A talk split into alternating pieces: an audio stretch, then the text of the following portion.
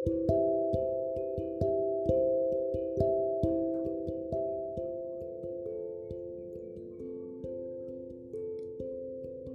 telah terlatih dan terbiasa mendengar ketidakpastian yang diterima beberapa orang.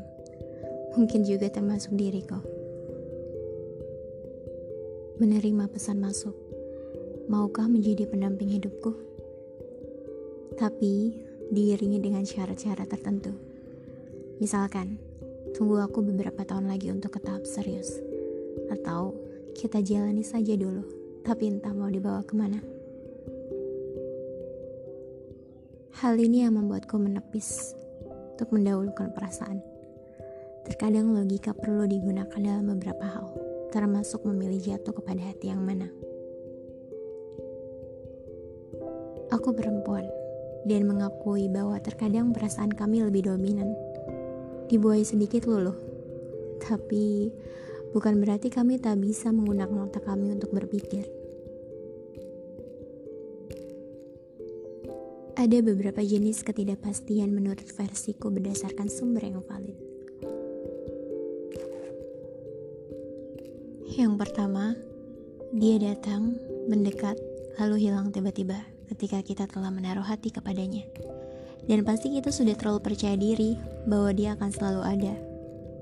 Menurutku, orang-orang seperti ini bagaikan jalangkung. Datang tak diundang, pergi tak bilang-bilang. Yang kedua, dia mengajakmu komitmen, padahal ini cuma bahasa kerennya dari pacaran. Dia bilang mau menikahi dua tahun lagi atau tunggu dia mapan. Dan dia ngajak berjuang bareng. Iya kalau nanti nikahnya sama kita. Lah kalau sama yang lain, buang-buang waktu dong. Udah ditemani berjuang, eh menikmatinya bukan bersama kita. Yang ketiga, dia menjadikan kita salah satu pilihan di antara pilihan yang lain. Jadi maksudnya kalau sama kita nggak bisa, dia masih punya stok yang lain untuk dimasuki hatinya. Gombal sana, gombal sini. Eh, ujung-ujungnya semua nggak dapet. Lagian, emangnya lagi main cap cip cup. yang keempat, dia yang udah overprotective gitu. Udah larang-larang kita. Misalkan gak boleh dekat sama yang lain, gak boleh ini, gak boleh itu. Emangnya kita tahanan, tapi pas ditagi buat nikahin, dia ciut dong. Yang kelima, ketika kita udah deket banget sama dia, eh tahu-tahu dia nikahnya malah sama yang lain. Ini hampir mirip sama yang pertama dan kedua sih, cuma bedanya kayak parah banget. Sebelum nikah aja dia udah gak setia, gimana nanti udah nikah ya?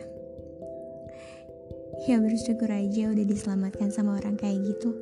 Karena yang berkhianat emang gak pantas ditangisi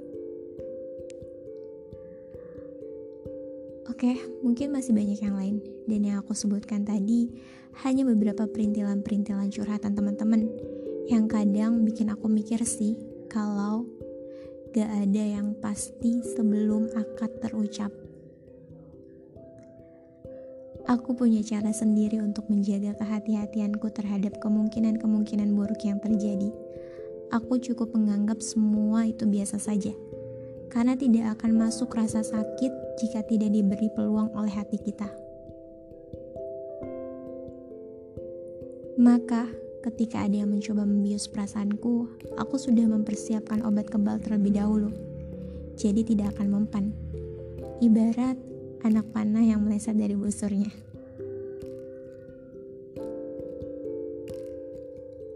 Dan kini aku percaya bahwa tak ada jalan lain selain jalannya Islam.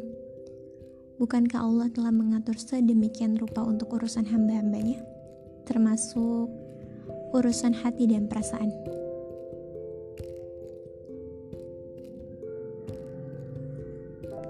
Rasulullah pernah bersabda, kami tidak pernah menemukan solusi bagi kedua insan yang sedang jatuh cinta, kecuali dengan menikah. Dan Islam telah menganjurkan jika belum sanggup untuk menikah, maka berpuasalah.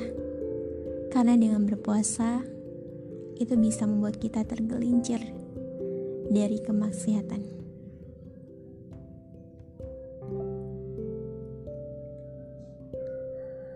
Dan yang perlu disadari bahwa pernikahan bukanlah sebuah permainan, melainkan ibadah terlama bagi kedua insan dalam sepanjang hidupnya.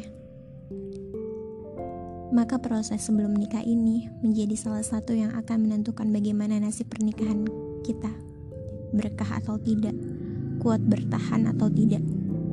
Karena ketika menikah nanti, kita tak lagi menurutkan ego sendiri, melainkan memadukan visi misi bersama.